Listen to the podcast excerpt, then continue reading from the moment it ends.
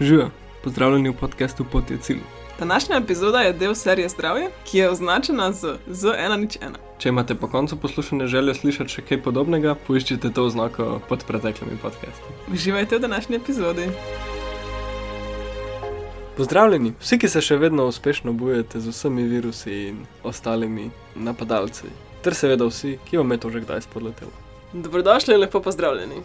Če še niste ugotovili, danes govorimo o imunskem sistemu. Iskreno, sploh ne vem, kaj naj dodam, ker vem, kaj to je, ampak v bistvu nimam pojma, tako da me zelo zanima, kaj bo sledilo v tej kratki, dolgi, sploh ne vem, kakšni epizodi. Ne vem, kaj me čaka. Lahko za od povem, da v resnici je ta tema zelo komplicirana Ne. in kompleksna. Ja, ja. Mislim, da je to ena od tistih vseobsegajočih tem, ki ima toliko komponent, ki se jih sploh ne zavedamo. Tako da me že veseli, da vam lahko vsaj kakšne predstave predstavlja. Ok, kar pa imamo.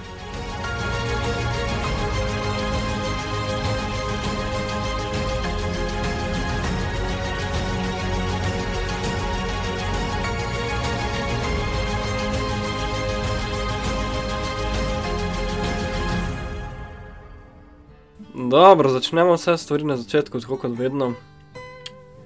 Zdaj, zdaj preden se lotiš česar koli, kaj je imunski sistem? Dam ti dva stavka. Imunski sistem je naš obrambni in popravljalni mehanizem, ki nam omogoča, da se dejansko soočamo z vsemi zunanjimi nevarnimi faktorji in notranjimi nevarnimi faktorji. Mm. Evo, en stavek podirate. Cool, zdaj tako mi pade na pamet, se pravi to, ko mi ubijamo vse celice, ki rabijo umreti, ali pa tiste, ki se niso pravilno ubile, to je tudi imunski sistem. To tudi imunski A, sistem, cool. definitivno. In rekla sem celo ta popravljalni, ker mogoče se ne Mhm. bi veliko ljudi strinjalo z mano, ampak popravljalni rečem glih zato, ker imunski sistem skrbi, da se. Da pridejo celice, popravljalne celice, tja, kamor morajo, tam, kjer pride Mhm. do škode, oni v resnici spucajo napako, kar ko že to je, Mhm. nek patogen, neka propadla celica, in privabijo, da pridejo celice, ki bodo to popravile. Mm. In cel ta sistem, ki to uravnava, je imunski sistem. Ja. Ampak ni pa dotično tako noč, pač ima veliko delčkov, nima pa nadzornega sistema kot takega. Ne, je, v bistvu je zelo širok.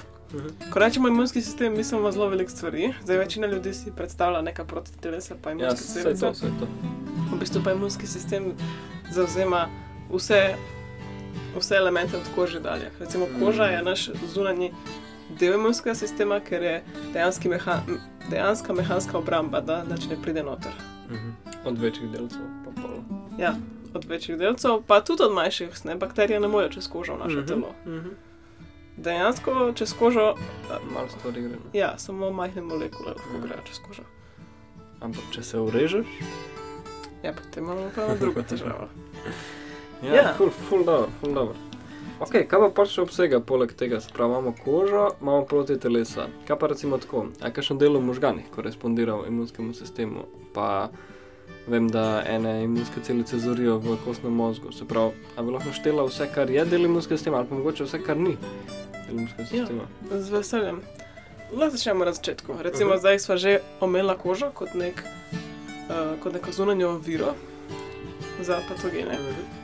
Na tak isti način imamo recimo tudi sluznico v ustih, sluznico v črevesju, v vagini. Vse to, Kaj pa to pomeni?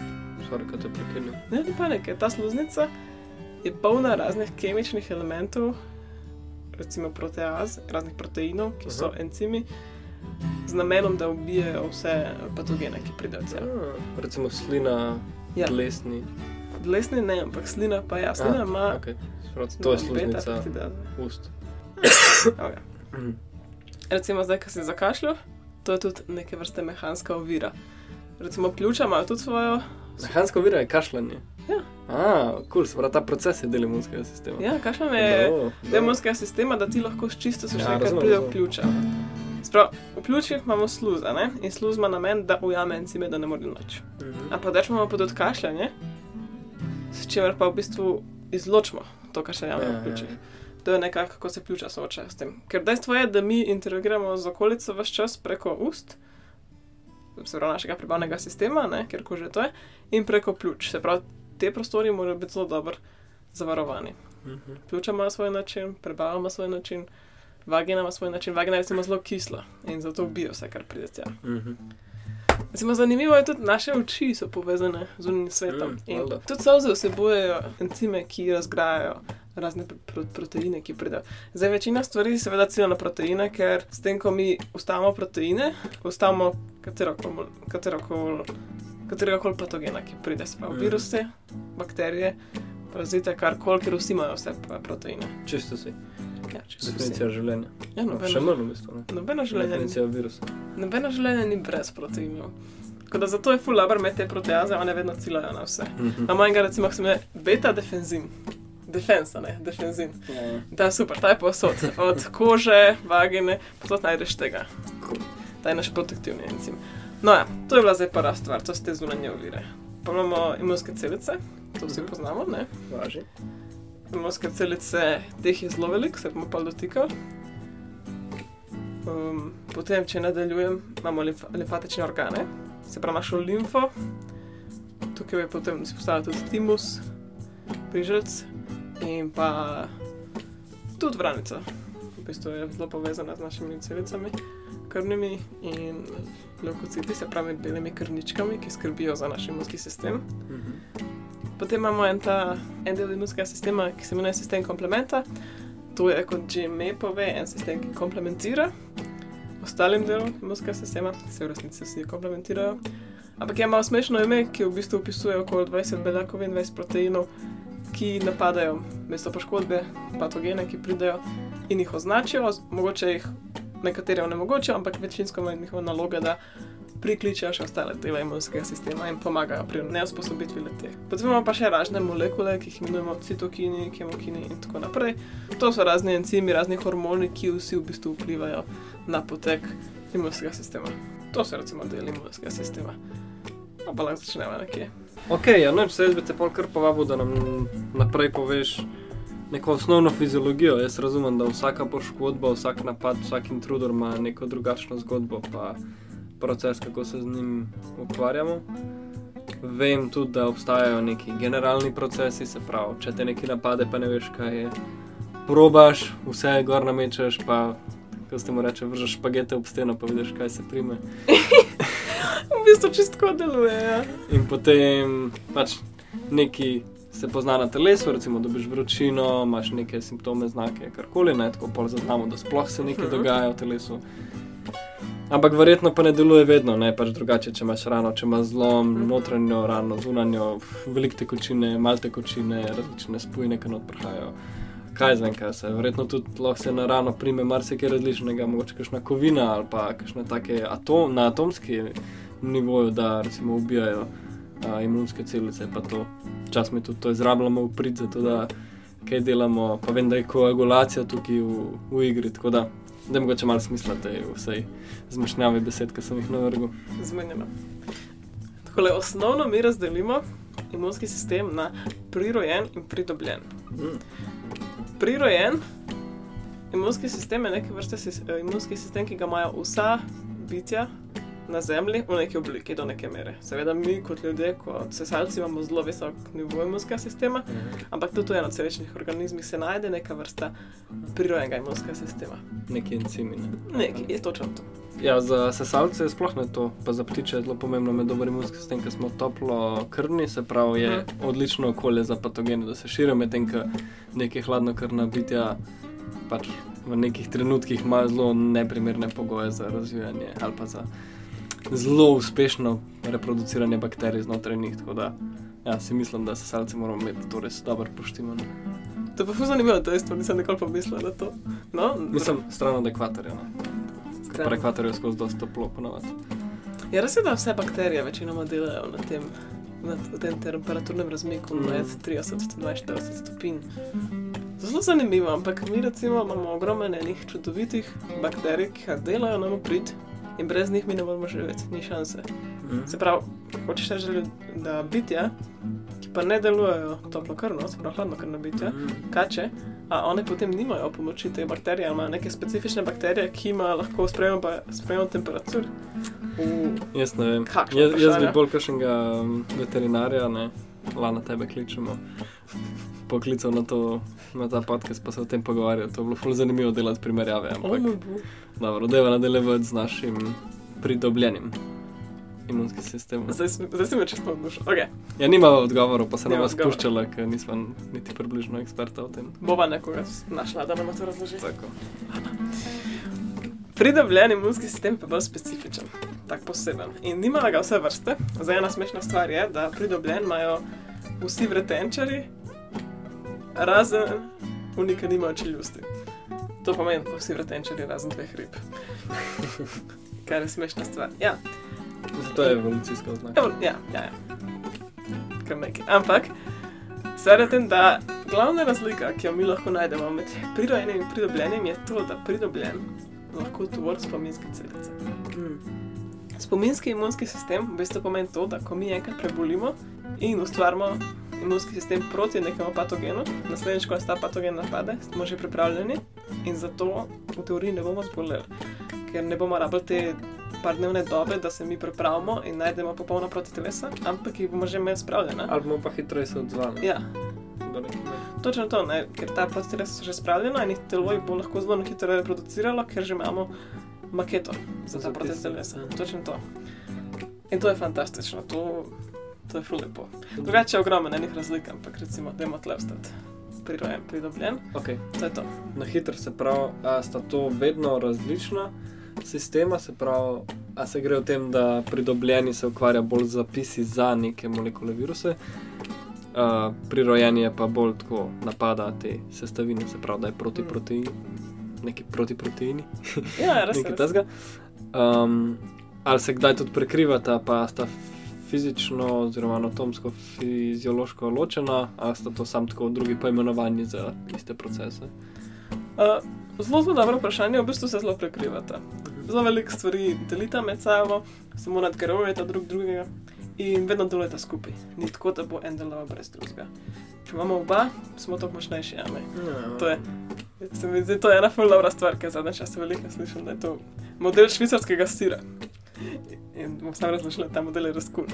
Švicarski sir, če ga narežeš, ima lukne. Pač Emmental. Emmentaler, ja, ima lukne, a ne? In zdaj, če bi ti cilil nekaj čez ta sir, mogoče lahko zadeneš luknjo. In pride čez, in zato ta sir nas ne zavaruje. Ampak, če postavimo full sirov enega pred drugega, se bodo te luknje tako pokrile s sirom, da na koncu ne bo več nobene luknje. In več slojev, mislim, več rezin sira kot daš, bolj si se zaščitil. Zelo smešno, ne vem, ampak to se zelo uporablja znanstveno. Model švicarskega sira. Tako da imunski sistem je model švicarskega sira. On ima ogromen enih elementov, vsak zase je v redu, ampak če daš vse skupaj, je pa fantastično. Tako da, imamo pa še eno delitev imunskega sistema, da smo imeli pri, prirejen pridobljen. Druga stvar je pa humoralen imunski sistem in celičen imunski sistem. Sliši se malo čuden, ampak je zelo simpel. Celičen imunski sistem je imunski sistem, ki deluje na celice, se pravi, ubijamo celice. Humoralni je tisti, ki deluje izven celic, se pravi, ubijamo direktno uh, neka patogene, ki pridejo. To je to.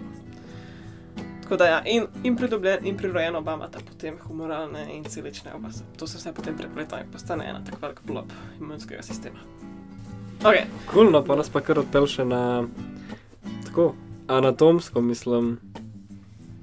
Še vedno ne vem, kako si ga predstavljam. Povej mi, kaj, kaj je to. mm, Tako, ali pa fiziološko, no, če smo če kakšen proces um, zanimiv. Lahko sam zbereš kakšnega od teh uh, bolj znanih, manj znanih, bolj zanimivih. Zato, da dobimo občutek, se verjamem, da to je tema za ure in ure razprave. definitivno. Ok, se pravi, vsi poznamo rdeče krvničke. In verjetno vsi poznamo bele krvničke. In bele krvničke so v bistvu celice imunskega sistema. Nastanejo v kostnem mozgu skupaj z rdečimi krvničkami. In bele krvničke imenujemo levkociti, levkociti se pa delijo na veliko začet celic. In vsaka od teh celic ima neko svojo nalogo v imunskem sistemu. Zdaj dejansko to v naši, v naši krvi, levkociti predstavljajo okoli 1% volumna. Imamo, ostalo so je serum in pa rdeče krvničke. To je to. Sprav ni jih zelo veliko, ne? so pa vse mogočne in upravljajo. One dejansko nadzorujejo naš sistem in ga varujejo na vse načine. Zdaj, um, če pogledamo levkocite, bom malo naštela, ker poznamo v vsak ima zelo specifične lastnosti. In v prirojenem imunskem sistemu je kar nekaj leukocitov, en najbolj znanih so recimo fagociti. Fagociti so zelo zanimivi, zelo zanimive celice, ker one jejo, one fagocitirajo. In fagocitoza je proces, kjer v bistvu ta celica poje eno drugo celico ali pa eno bakterijo ali pa kako točno to, kar si rekel, obkrožijo. Se pravi, membrana se tako usloči in popolnoma obkroži neko drugo celico in jo poje. In kaj se fagocitira? Fagocitira se vse od bakterij do slabih celic, recimo razpadlih koščkov celice, ki so morale umreti. V našem telesu celice vsak, vsak trenutek odmirajo. Imamo dva načina odmiranja: apoptoza in nekroza. Apoptoza je naravno odmiranje in to je super zdravo, mi to rabimo. Ker naše celice, ko postanejo stare, morajo umreti, one dobijo signal od imunskih celic ali pa same od sebe, da je čas, da umrejo. In če se ne ubijajo preko apoptoze, kaj počeš? Ne, ne, ne sme početi. Ja. To je pa ful dobra stvar. Če poč, mislim, ful, ful dobro, da se to izpostavlja.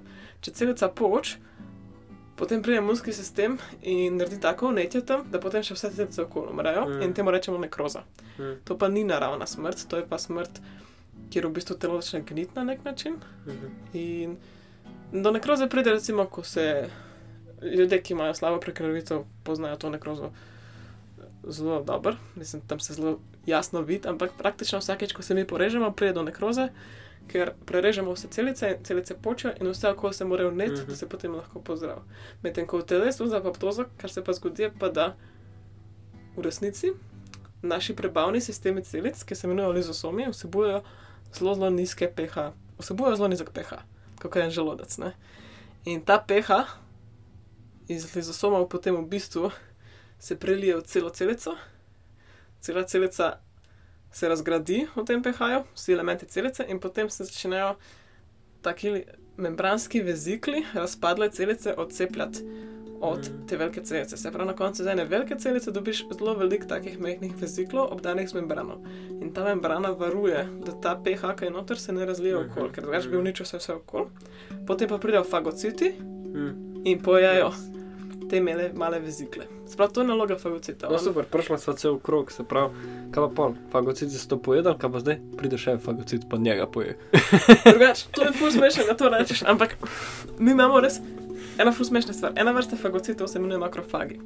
Makrofagi so pač fagociti, neke vrste fagociti. Velike in, in, ja, so velike celice sami po sebi. Ah, ne, ampak verjetno zato, ker to pojejo. Okay, ja. Ampak kaj fa, ma, m, makrofage, ima vsako tkivo v telesu svoje in pol kosti imajo svoje makrofage, ki so zelo divji in jedo kostne celice in obdržijo jedra kostnih celic. In pa imaš makrofage, ki imajo tako 50 jeder vse. In ko pogledaš pod mikroskop, ima ena celica samo tako tono jeder noter. In to so te ogromni, ogromni makrofagi, ki vse pojejo. Pa Ostalo- deluje te jedra ali jih ima samo tako v backpack? Ne, ne, oni samo pojejo. zraku? Se ne vem, jih razgradi pa, mojih razgradi pa. Mm. Ampak oni se imenujejo osteoklasti. Mhm. Oni se pojejo tam. Cool. No, ja, no, kaj se zgodi z materialom, ki, ki ga poje? Oni ga predelajo in potem ga v bistvu kot hranilo za druge celice dajo ven. Aha. In potem druge celice to prevzamejo kot proteine. ne, vse, kar mi imamo v celicah, so samo neki proteini, reciklirajo. ugljikohidrati, bla, bla, bla. Večinoma so proteini, pa lipidi. Lipidi Mhm. to je za mem membrane, ja, za ovojnice. Ampak to je material, ki se vse čas um, uporablja na novo. Sprav, to ni nekaj, kar bi ti rabo, da to smeti. Ja, to se reciklira in potem ostale celice to porabijo. Še ena stvar mi je padla na pamet. Um, a so naše celice, recimo v mišicah, no, to najbolj tako učitelj, so rdeče od krvi? Ali so prozorne, oziroma neke barve, dokler jih ne odpremo? Pa, pač, ne vem, dokler se žilo okrog njih ne, ne vem, prelijejo, pa pol rata rdeče. Ne vem, čist. Zelo dobro vprašanje. Niso celice rdeče, ker kri nikoli ne pride v celico noter. Ja, vse zato je Zdaj kri je rdeča, go for it. imunski sistem. Dobro, da ti dela. Ja. Zdaj kri je rdeča, zato ker ima rdeče krničke. Večinoma, ko se kri filtrira čez kapilare v tkivo okol, v intracelularni prostor, se filtrira samo serum. Potem pa še rdeče krničke tako le malo spozijo ven, ne so take. In zamenjajo kisike in pridejo potem nazaj. Mislim, izmenjajo kisike, pač prenesejo kisik. Ja. To je stvar. To je njihova glavna naloga in pa hranilo. In celice niso rdeče, ker ne vsebujejo tega železa, ki ga vsebuje rdeče krvničke. Razne rdeče krvničke, to so edine rdeče celice, na moje znanje. Imajo pa različno barvo. Recimo, maščobne celice so zelo smešne, ker imajo v sebi mali košček vseh teh or organelov celičnih, pa imajo pa zelo velik mehurček maščobnega tkiva. In so čist prozorne, ker mislim, pač ta rumenka sta prozorna. Ker večina celic je sam tak mehurček maščobe. Ja, tako vsaka ima svoje specifike, ampak niso rdeče. Samo vse, kar je okoli njih, je pa rdeče, Ja. ker mi imamo toliko finih kapilarov, koliko kapilarjev so čist povsod in to je tako drobno. V bistvu kapilara je velika za eno rdečo krvničko, rdeče krvničke pa nimajo niti jedra, Ja, ker so še jedro žrtvovali pri nastanku, zato da so lahko tako optimalno majhne, da res lahko najbolj efektivno prenašajo Ja. kri. In To je, ja, in to je velikost kapilare, ker je res nikakvo, ne vem koliko je, par mikrometrov, par, Ja. ja, res je malo. No. In mislim, da je 5 do 7 mikrometrov. In zato je vse rdeče, ker z našimi očmi ne vidimo tako drobno, Ja, ja. ampak ko nekaj prežemo, pač je kri povsod. Malo, da. Ful, ja, se razen če špeh, špeh je pa bil. ne. Točno to. Ja. Ja, špeh ni to prekrvljen, to je res zelo zanimivo. Mislim, še vedno je, ampak ni tok, ne. Jaz tako gledam meso ali pa zrezek. No, pač. Ja, ja, Vse to isto. zelo dober point. Uh, če sem tako, a CO2 se prenaša po krvi raztopljen Ja. v vodi. V bistvu tudi vezan noter v hemoglobin. A, no, to. Hemoglobin mm, lahko vežem to. Vsaj kaj lahko je kisik se pa teži, pa raztopla v vodi. Oziroma Ja. ja. se raztopi na neki neuporabne. Mislim, kisik je raztopljen, ampak je zelo malo raztopljenega. Okay. Premalo, da bi lahko uporabljali ali v napačni obliki, ali boje. Mislim, ja, seveda lahko uporabimo, ampak ponovadi kisik je raztopljen, potem reagira. Ja, se za to se. Pol dobimo vodo, pol dobimo vse možno. Pa tako imaš da- tako ione, pa kisikove Ja, radikale. pač. To, kar se dogaja, kar je cel parti, veš čas se. Ti dobivaš iz CO, CO2 plus voda, plus vsi protoni, plus O2, to vse reagira veš čas in se izmenjuje med sabo. ne. Ti veš čas dobivaš iz vode in Ja, ja. CO2 dobivaš kislino in Tako pa prot, protone, kar je še več kisline, tako da je zelo. Um, to nikoli ni statično. To se Ja, sej, sej to sem razmišljal, da dejansko, ko dost dihaš, oziroma ko ne dihaš, da me boš mogla popraviti. Verjetno, ja, takrat, ko ne dihaš, dost proizvedeš veliko CO2, se pravi, se ti telo dejansko zakisa, Ja, ja. ja, ker pač ti CO2 se v kislino spremenja krvi. Ja. ko se topi. Ja. Ne, a, ve, a veš, ono foro, ko vedno so v filmih prikazane ženske, ki imajo paničen napad in potem jim dajo vrečko za Ja, dihat. ja, ja. Stvar je, da dihaš v to vrečko. Ne, ne, ampak ko ti dihaš tako intenzivno, ti tok CO2 daš ven, da tvoje uh Mhm. -huh. telo pade v alkalozo, se pravi, imaš, zgubiš svoj pH balans, Aha. tvoje ravnovesje pade. Aha. In zato dobijo vrečko, zato da predihajo ta CO2 nazaj noter, nazaj ven, Ja, ja, nazaj hudo, noter, zato hudo. da ne zgubijo še več CO2. Aha. To je Ker to bi bilo pa katastrofalno. Mislim, pa lahko skupaj padeš. Ja, Ja, zato smo že velikokrat govorili o tem, koliko je v bistvu ta pH balans, tako fina niansa, res. Ja, ja. Če malo ga premakneš, pa umremo. ja. Moramo res paziti. Ok, da se vas vrnem Zdaj, nazaj. da. Se pravi, ostala sva pri uh, fagocitih. Fagocitih je par vrst, ne? Omenili smo makrofage, imamo neutrofilce, teh je največ. Oni isto napadajo in jejo vse okoli. Mm -hmm. Imamo potem recimo dendritične celice. To se smešno imenuje, ker se sliši, kot da so nevronske celice, Ja, ja. ampak niso nevronske. To so fagociti, ki jih imamo v, v sluznicah, sprav v ustih, v prevalnem sistemu in izgledajo kot nevronske celice, zato Ja, se imenujejo dendritične celice.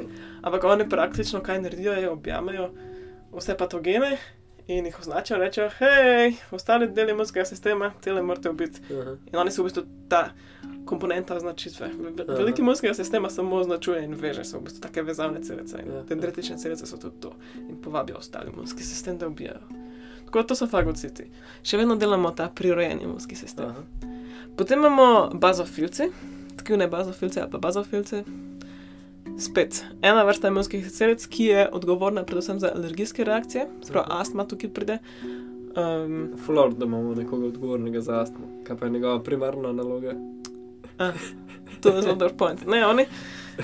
Wow, ne, v bistvu, v bistvu, kaj se zgodi, je, oni pridejo kot odgovor na protitelesa, ki se pretirano vežejo na nek antigen. Antigen označujemo vse, kar, nam, kar je tujek, kar je telesu tuje, to telo označi to, da mora napadati. Da sicer včasih se zgodi, da telo označi nekaj v nas samih kot antigen in potem začnemo uničevati sami sebe, to je avtoimuna bolezen, ampak večinoma so antigeni tujki od zunaj. recimo, kot je pič čebela, strupo čebele bo naš antigen. In vedno se na antigen veže proti telo. In zdaj imamo različne vrste protiteles, to se bomo pogovarjali, pet jih je. In eni, IgE, protitelesa se z drugim besedami imenujejo tudi imunoglobulini, ker to so, pač molekulsko so to imunoglobulini. Te imunoglobulini potem privabijo bazofilce in eozinofilce. In nič ni narobe s tem, ker oni ponavadi razgradijo ta strup, razgradijo toksine, patogene, kar že to je. Ampak, ampak zgodi pa se, da ko te imunoglobulini pridejo v prevelikem številu, reagirajo pretirano, potem tudi naši bazofilci in mast mastociti in tako naprej delujejo pretirano. In še Ja. eozinofilci so tle, to so samo nekaj imena. Ampak reakcija, um, posledica tega je pa astma ali pa anafilaksija in tako naprej. Zdaj, oni se sicer bolj ukvarjajo s toksini, no, z nekimi molekulami, ne s tok, z nekimi živimi biti. Nisi ponavadi alergičen na bakterije, alergičen si na molekule. Ja, ne rabiš sploh pojesti arašidov, dovolj je samo arašidin. Ja, pa vse se res imenuje, po mojem, tako. Ja, dobro. Vedno je tako, če vedno se tako imenuje. Okay. Ja, in še zadnji del prirojene imunosti so pa naravne celice ubijalke. Te so res dobre, ker njihova naloga pa je, da ubijajo viruse in da ubijajo tumorne celice. Načeloma viruse se ne da ubijati vsakega posebej. Tako da naš imunski sistem deluje tako, da ubije celice, kjer se je virus začel množiti noter. Se pravi, mi ubijamo sami sebe, zato da bi ubili viruse. Mhm. Moče na tem trenutku se mi zdi dobro, da povem, da virusi so tako zanimiva, živa, neživa bitja, ki se lahko množijo samo v gostiteljskih, teli, v gostiteljskih celicah. Se pravi, oni se ne morejo, gosti, um, oni se ne morejo deliti sami, bakterije recimo se lahko, ljudje se lahko, virusi se ne morejo. Virusi morajo priti v eno celico, recimo v našo celico, in potem poturiti svojo DNA, naši DNA, zato da se začne prepisovati z našimi encimi, z našimi proteini, njihova DNA in potem njihovi proteini nastanejo, da lahko oni sestavijo svoje nove viruse v naših celicah. In šele ko so v celicah naši virusi, naš imunski sistem lahko v veliki meri ustavi. Drugače ima pa drugačne mehanizme ustavitve. Ne? Recimo vročina je full dober način ustavljanja, ker ko imamo visoko vročino, mi ne moremo, mm, mislim, proteini se ne morejo množiti, se pravi, se zaustavi transkripcija proteinov. Ja. Je to glih tam ne, pa 41,9 ali koliko. Ja, še malo nižje. Neka, neka res taka tanka meja. Mm, ja, zelo tanka, da je preveč grozen za Ja. nas, ampak je pa Ja, yeah, ful ja, dobro, ja. ker se virus ne množi. Ker če prideš pa ne do 42, pa pol je pa že za tvoje zdravje preveč. Zdaj ne vem, koliko je, ali Se, 43. mislim, da je, mislim, da je manj, drugače se pa 39 se že zelo zaustavil. Aha, Imaš prav sem eno, malo iz glave govorim. jaz, jaz tudi.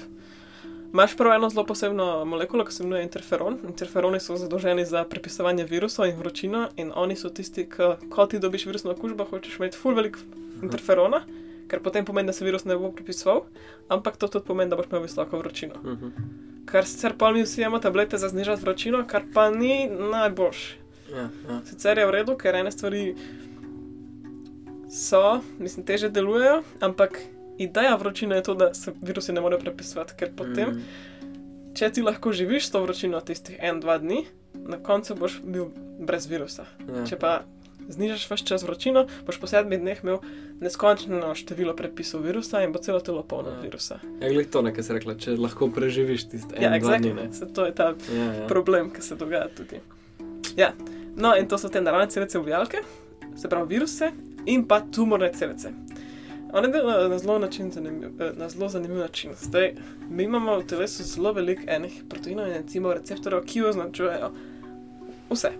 In v imunskem sistemu zelo veliko govorimo o enih um, molekulah, ki se imenujejo MHC. Po mojem se po slovensko imenujejo PHK, ampak ne morem reči MHC, to je nekak odziv, hiperodziv na histamin, komponenta odziva, histaminskega odziva. Nima niti ve, zakaj to pomeni, jaz sem pozabila tudi. Ampak, ja, ne vem, kaj pomeni MHC, Ja, neka okej. major histamin komponent, nekaj tasga. Ampak, MHC imamo dve vrsti, enka in dvojka. In potem naše imunske celice ponavadi prepoznavajo MHC. In vsaka celica v našem telesu ima na sebi MHC. Vsaka, vsaka, vsaka, vedno.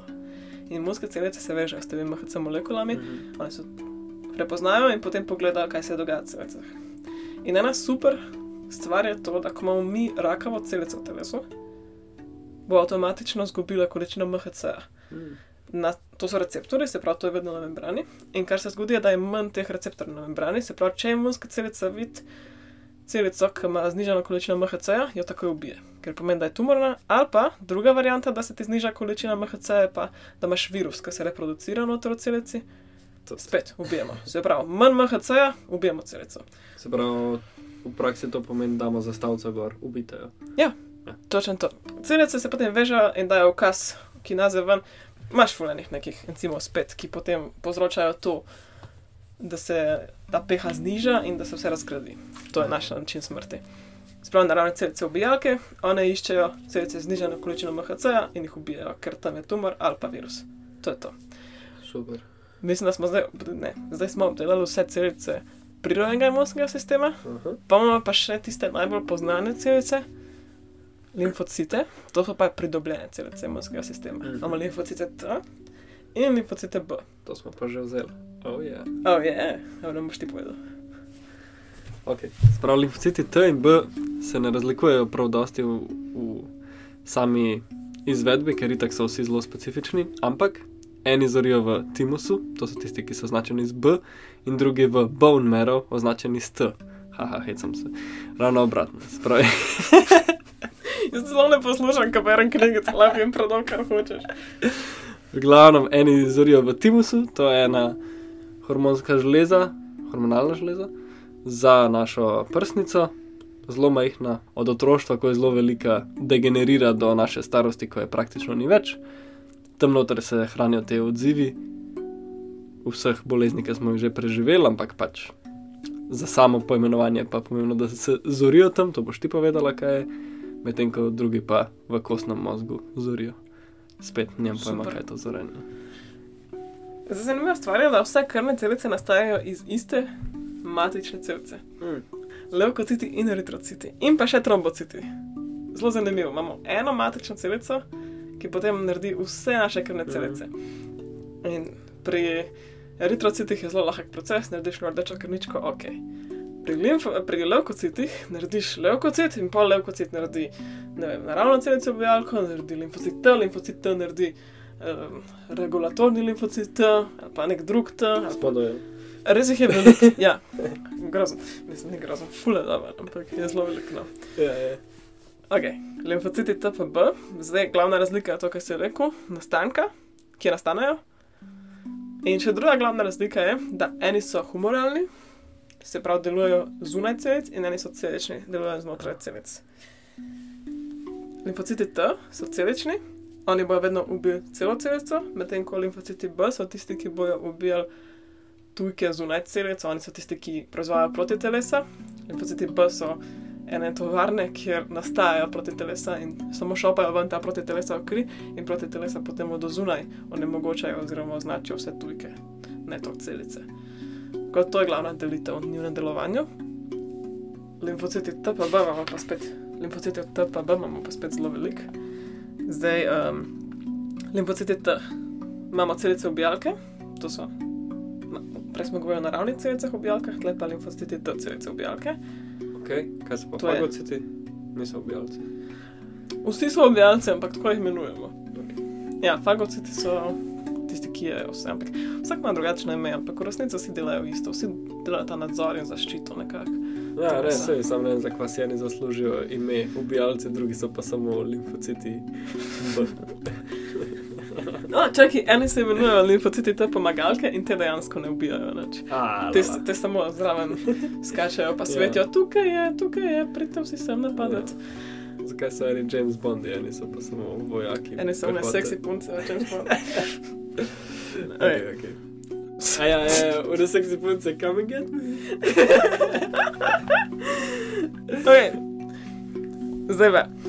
Tukaj pa limfocitih se spet vrnemo k tistim molekulam MHC, o katerih smo prej govorili.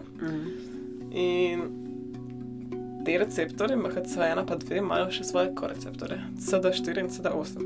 In mogoče je kdo že slišal za to, ker je to zelo znana stvar, ker CD4 je točno tist, tista situacija, kjer To je točno tisto mesto, kjer HIV v bistvu napade limfocite T in zaradi tega potem izgubijo delovanje. Zato se mi zdi, da te CD4 se veliko to menjajo, mogoče kdo to že slišal. Ampak samo po sebi pa to ni tako pomembno.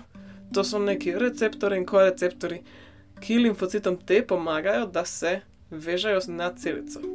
Ker stvar je v tem, da se limfocit T ne bo vezal kar na kjerkoli celico. On se bo vezal samo na MHC receptor.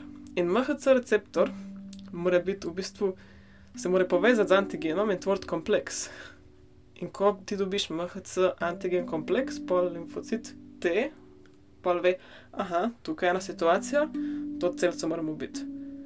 In različne dele limfocita T, eh, različni limfociti T napadajo različne MHC eh, receptorje, se pravi, ubijalke grejo na MHC1, pa imamo pa še te regulatorne in pomagalke, ki se pa vežejo na MHC2.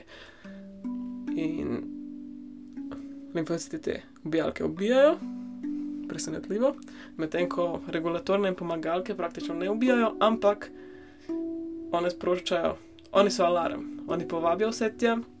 Zdaj, veliko se govori pri.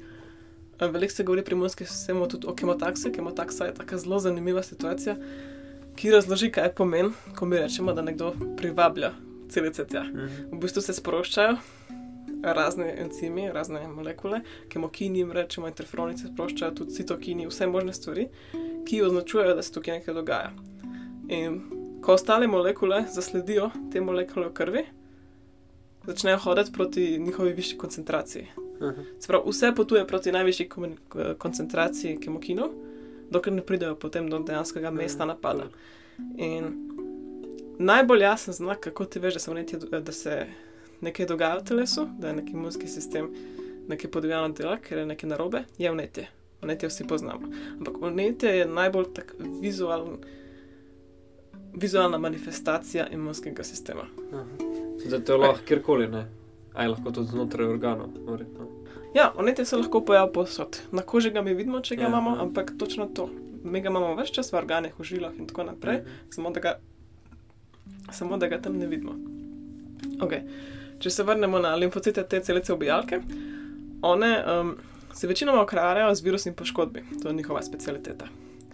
In one so zelo, zelo potentne, zato se imenujejo ubijalke, ker če se ena sama Highly celica. killing machine that will stop at nothing. Res so, ker poslušaj to. Ena sama celica limfocita T, če se veže na neko drugo celico, označi tisto celico za smrt, dosti Mhm. dobro, da se celica ubije. Medtem ko ponavadi, če govorimo o protitelesih, če govorimo o čemorkoli, mi rabimo tisoče tega. Mm. To je ponavadi, ko ti pogledaš, kako protitelesa napadajo. Protitelesa niso celice, da ne bomo se tle motili, so samo taki, dejansko so imunoglobulini, pač to so Aha. proteini sestavljeni skupaj. Jih rabiš na tisoče, to je, Uh, vse je pobarvano s temi protitelesi. pa saj tisoč je full mal. Ja, to je čisto malo. pač. Ampak, prej, ko sem pa govorila še o teh te celicah pomagalkah, Mhm. one načeloma ne ubijajo, ne, one pa regulirajo.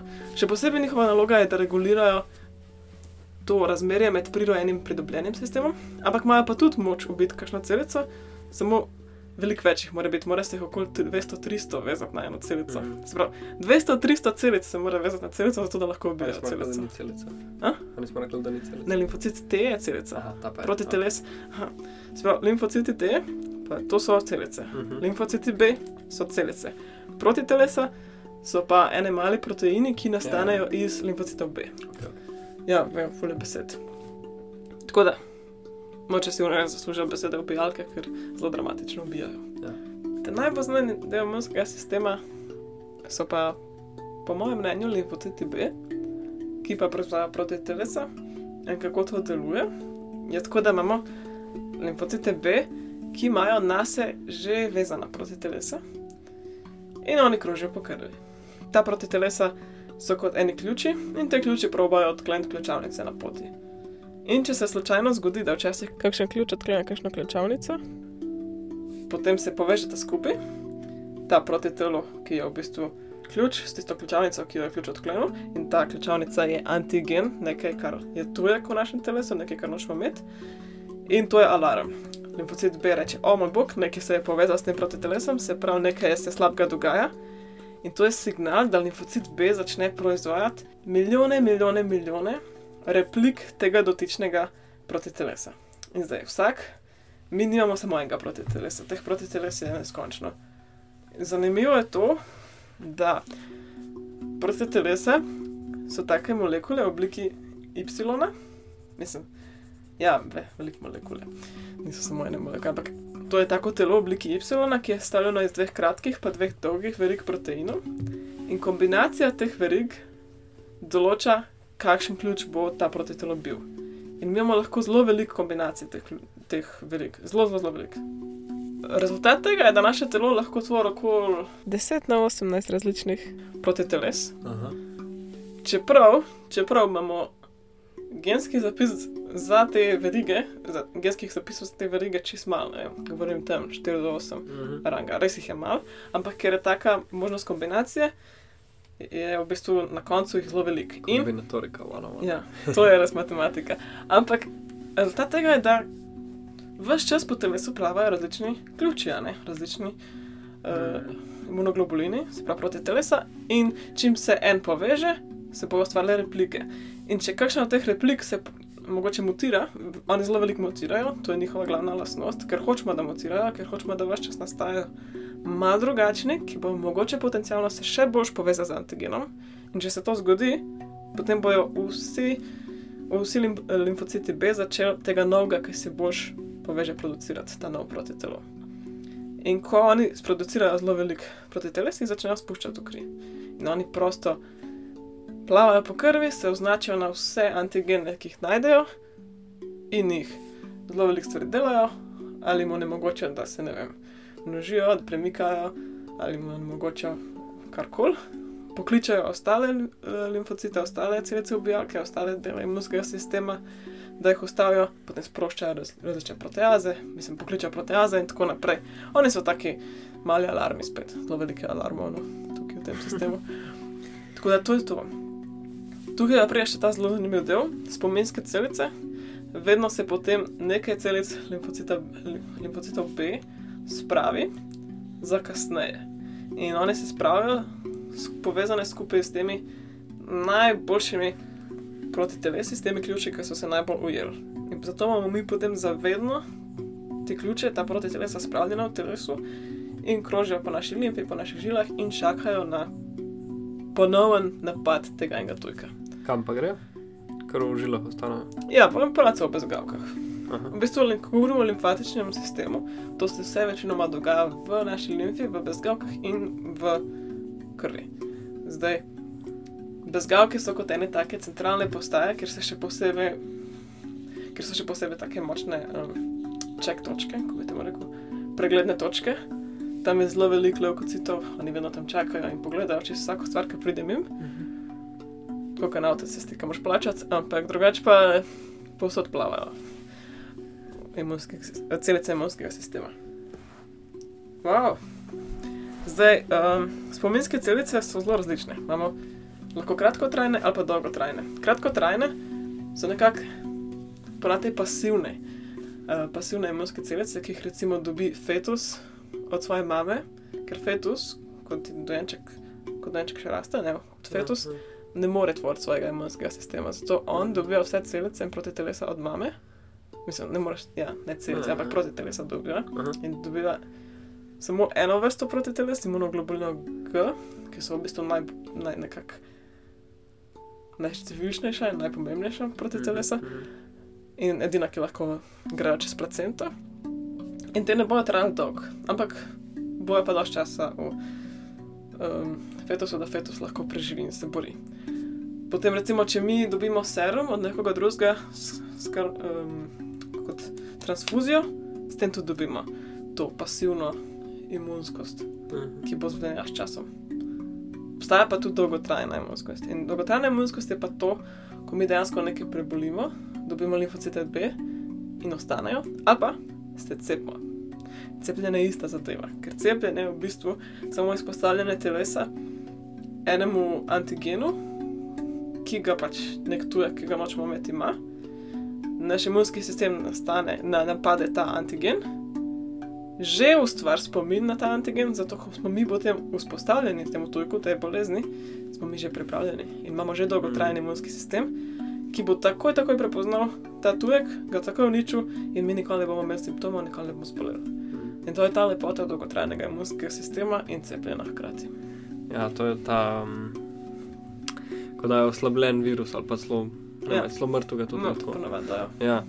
Um, da je pa še klej nama dma koronski, no, se pravi, novejše oblike cepljenja pa dovoljuje tudi sam neko simulacijo virusa, ker samo proteine proizvajamo, ki bi jih virus proizvajal, zato da potem je naš odgovor samo na proteine, ki sami po sebi Mm. niso tako nevarni, ampak bodo pa uničili virus, v primeru, da pride noter, v teoriji. In potem naj bi to nas pač bolj obvaroval, ker imamo že nek spomin na neke proteine, ki jih morda proizvaja ta virus. Vsaj če jaz razumem to trenutno cepljenje. Prav.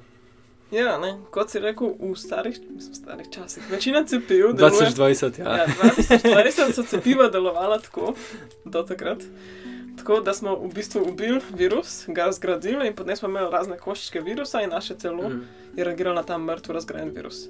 Medtem ko to novo, super cepivo, ki ga vsi opevajo, mRNA, pa ne deluje tako, da dobiš mrtve koščke virusa, ampak deluje, sam, dobiš samo RNA zapis. mRNA stoji za messenger RNA in RNA je kot DNA, samo da je samo ena polovica vijačnice, ne dve. Ja, če si predstavljamo dve vijačnici DNA, če sta dve, imenujemo to DNA, Ja. če je samo ena polovica, imenujemo to RNA. In virusi, nekateri imajo DNA, imajo obe vijačnici, nekateri imajo pa samo RNA, ima samo eno vijačnico in nikoli nimajo dveh.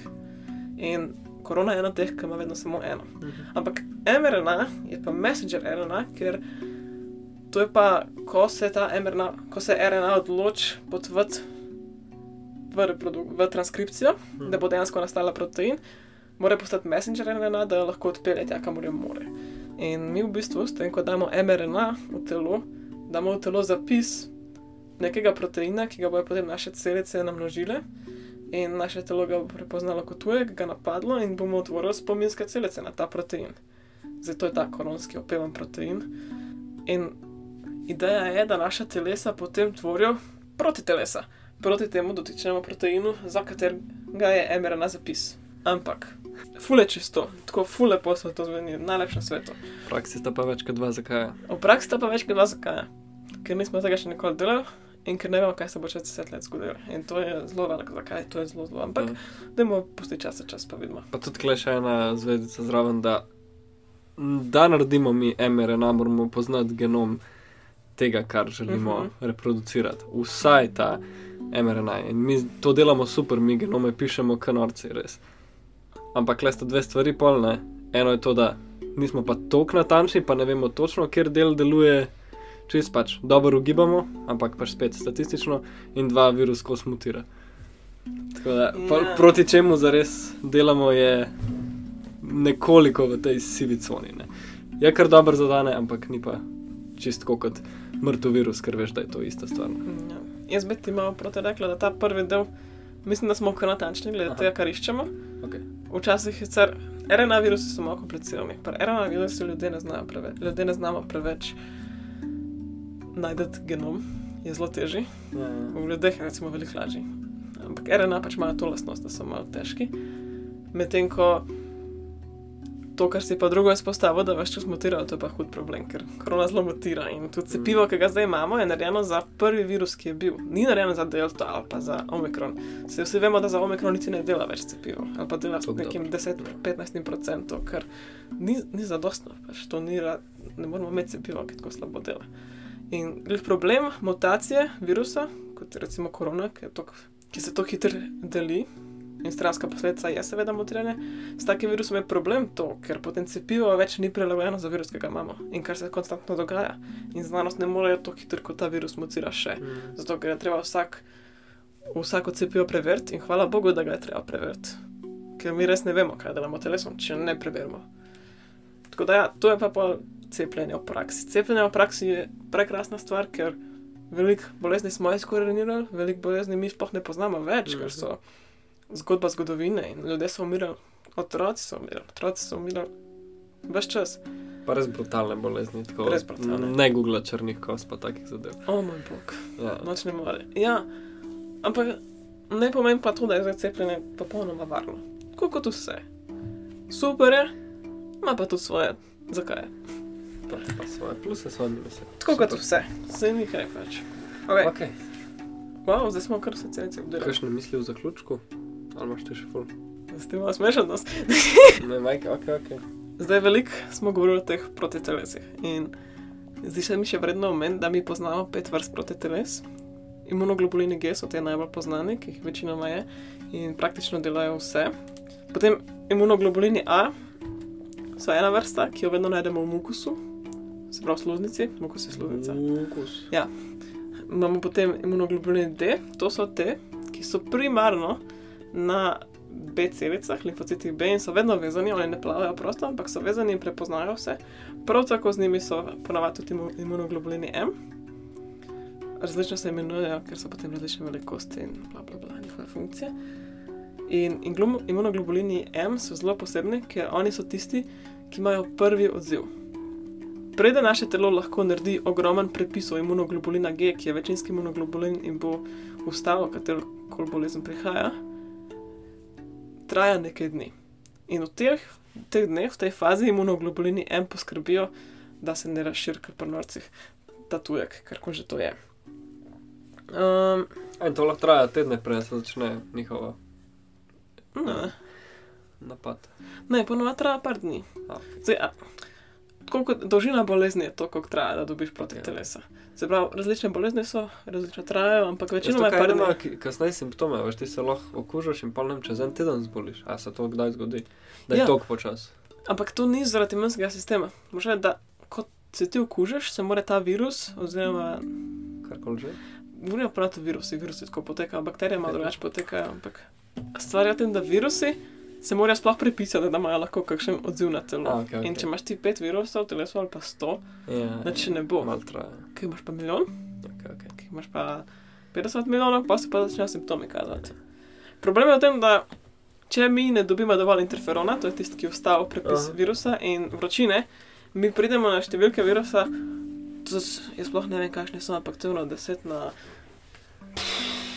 Veliko, mislim, se vem, saj virus je proti celici za res, res, res, res, res majhen. Tako, ne vem, tri, štiri range Ja. nižji na teh. Ne, ne, še, še skalah. Še več. Eh, Virus je res droben. Ja, mislim, da tako celica je kaj 10 na minus 6, virus je pa tam 10 na minus 9, 10. A, tako range, ja, po nulah. Nek, Ja, nek tazga, ja. res je manjše. Ne vem, no, malo gibam, mislim, da so tam tako zelo nanometri. Uh, virusi, celice pa tam mikrometri. No. Ja. Ampak, kakorkoli, uh, ko, ena- ko ena celica poč polna virusov, recimo, da se tako namnožijo virusi, je to tako. Milijone virusov v eni celici. a veš. Točno to, ne, točno to. Celice počijo, to je ful dobro, kar ste zdaj rekel. In ko se počijo, potem virusi okužijo vse celice okoli in potem tiste celice Oh, yes. naredijo nove viruse in pol tiste celice počijo in na koncu imaš ti vsak organ v telesu poln Virusna virusov. nekroza. a? Vse, vse v telesu je pripravljeno z virusi. Wow. To se zgodi. Ok, to je zdaj se grozno slišal. Ampak Tako je življenje. Tako že ne, to se vse čas dogaja. Naš DNA je sestavljen iz virusne DNA tudi, zato ker smo že toliko gradili virusno DNA, ker Ja. ne pač to je del evolucije, to se vse čas dogaja. Mislim, ja, virusi niso nič manj ali pa več vredni od naše celice. Tako evolucijsko so to čist isti proces. Pač. Bakterije so bile in virusi so bili skupaj in smo se koevoluirali vse čas. Zanimivo je, da ti povem, da no, se ti to veš. Imaš virusa, ki napadajo bakterije. Mhm. Večina virusov v bistvu napada bakterije, sploh ne človeške celice. Velika večina. Ja, res veliko. Ampak zanimivo je tudi to, kar sem hotela izpostaviti, da imamo tudi dobre viruse. Tako kot imamo dobre bakterije, imamo dobre viruse, tako da Mhm. niso vsi virusi slabi. Mi tudi rabimo dobre viruse. Naprimer. Ne vem. Okay. Nisem ne vem, to, je tako zelo nepoznano polje, se mi zdi. Okay. Ampak vemo pa, da imamo v črvesu viruse, ki jih rabimo. Cool. Okay. Zadnja, zadnja vrsta proti telesu pa proti telesa E. Ta se mi zdi zelo upevana tudi zaradi tega, ker to so proti telesa E, ki igrajo skupaj z bazofilci in mastociti, to, kar smo prej govorili, ki povzročajo ta alergijski odziv, anafilaktični šok in vse, kar prej zraven, in pa skupaj s tistimi celicami tudi ustavljajo parazite. Tako da, ja, ne, to je kar bom rekla v, proti telesih. Pa. Jaz že več čas hočem govoriti o tem, ampak vnetje, vnetje je ta materializacija, manifestacija imunskega sistema, kjer koli pride. Vnetje je sestavljeno iz pet delov. Pač moraš imeti pet stvari, ki sestavljajo vnetje. Vedno je rdečina, ki pride, Mhm. potem pride bolečina, pride tem, višana temperatura, pride oteklina in pa še upočasnjeno oziroma onemogočeno delovanje. In to je kar unetje, ja, si si predstavljate, če imate recimo uneto eno rano, kako to je.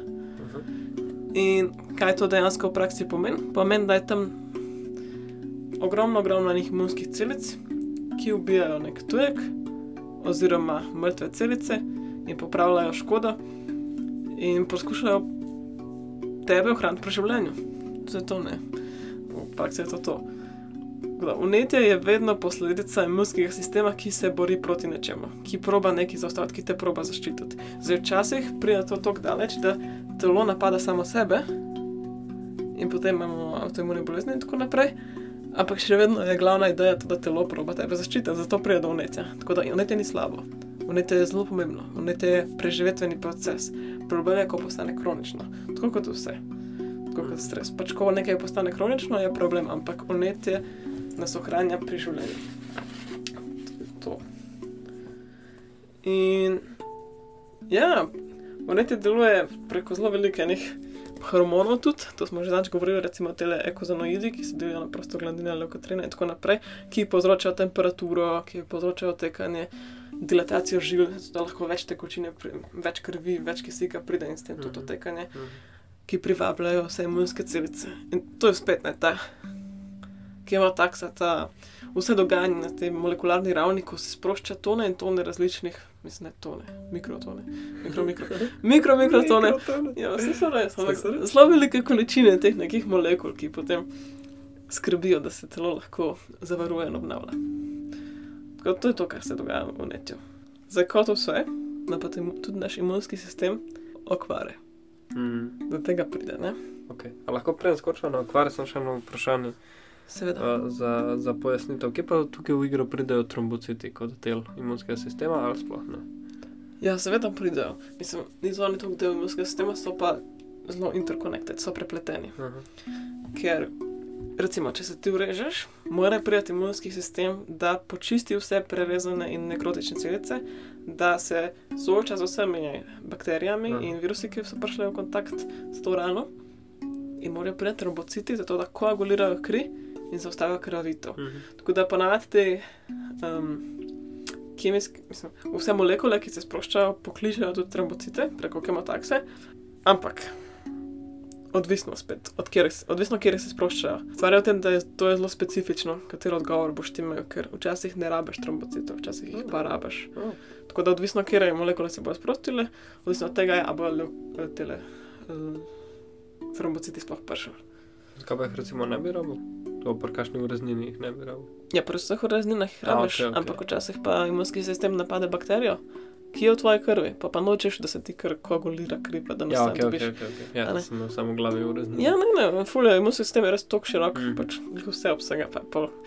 Težko si je predstavljati vse, kar dela.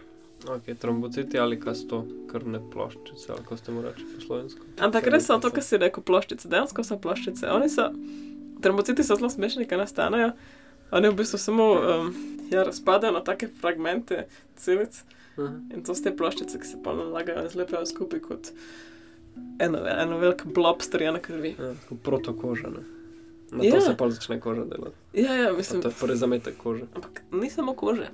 A, Moš si predstavljati, da tudi naše organe krvavijo, naše žile krvavijo, right. sploh zametek, česar koli. Niso oni zametek, oni so tista. Podlaga, kjer lahko raste. Ja, oni so tista prva na zaščita, in Aha. potem pa pridejo naše matične celice, sploh celice, Aha. ki se pa lahko delijo, ki pa lahko naredijo kjerkoli, diferencirajo čist kjerkoli celico telesa in oni potem naredijo tisto, kar mi rabimo. Ker je odvisno, ne odvisno, kaj rabiš. Ja, mi pa celo življenje produciramo matične celice. Mislim, produciramo jih ne. Mi imamo matične celice. strah lahko spremenimo. Okay. Ja, imamo matične celice in matične celice se lahko delijo v neskončnost. In vsak, vsako tkivo ima svoje matične celice. okay. Ena jih ima, ve, enih ima več, enih ima manj. Ampak praktično kjerkoli ti vzameš tkivo, ima matične celice, ki se potem lahko delijo in diferencirajo. In iz iste matične celice, to je neka, predstavljate si to kot neko osnovno človeško celico, iz iste lahko Ja, se vem, epigenetsko, epigenetsko pomeni, da se neki geni zaprejo, neki pa odprejo, mhm, teoriji. In iz te iste lahko nastane las ali pa kost, mhm. karkoli bo pač signal dal. In to je to, kar dela matične celice. In one se delijo, delijo, delijo, delijo. Nikoli se ne bojo postarale ali pa umrle, ali pa se nehale deliti, ker navadne celice se lahko delijo samo enkrat, potem pa odmrejo. Ja. te komatično to dela do neskončnosti. A jih je ful, če se ne motim v spinalni Ja. odprti na hrbtenjači. Ja, pa tam jih je. Ob hrbtenjači. Oni iz hrbtenjače največkrat prihajajo, oni iz Ja. kostnega mozga v bistvu. Aha, ne hrbtenjača, sorry. Ne, narobe, hrbtenjače so nevroni, ampak iz kostnega mozga največkrat prihajajo, tam jih je veliko. Ok, Okrog hrbtenice. Pač. Ja, ja, ja. Aha. tam jih je zelo veliko. Ampak recimo to maščoba je zelo bogata z njimi, zelo tako presenetljivo, naše telo jih ima kar nekaj. No. Samo to je tisto, to je ta vir mladosti. Če bi mi to znali regulirati, pol celo nikoli se ne bi postarali. ja, to je trenutno, ko se to reče, frontier. To je ja naša, naša naslednja, naslednje veliko poglavje v odkrivanju dolgoživosti. Pač. To je trenutno polagajo vse stave in tudi vidijo rezultate iz tega, um, kar se tiče iskanja kamna modrosti. A, večnega življenja. Večnega življenja. Ja. Ja. Okay. No, pa peva na obolenja. S tem smo uradno zaključili prvi del. Ja, v drugem delu se še bolj razborljivo pogovarjamo o obolenjih in vprašanjih od tu in od tam. Na kratko, sto je ena zanimivost o imunskem sistemu vas čaka v vašem nabiralniku že kmalo. Uživajte. Hvala, da ste poslušali to epizodo. Če vam je bila všeč, pustite komentar ali oceno, vedno pa se lahko naročite tudi na naš kanal. Tako nam boste pomagali doseči vse, ki rabe slišati ta sporočila. Hvala za to. In če imate kakšnega prijatelja, prijateljca, družinskega člana ali kogarkoli, ki veste, da bi mu tole koristilo, prosim, delite z njimi. In skupaj bomo ustvarjali boljši svet. Mm. Veliko ljubezni vsem, Čau, čau! rada vas mava.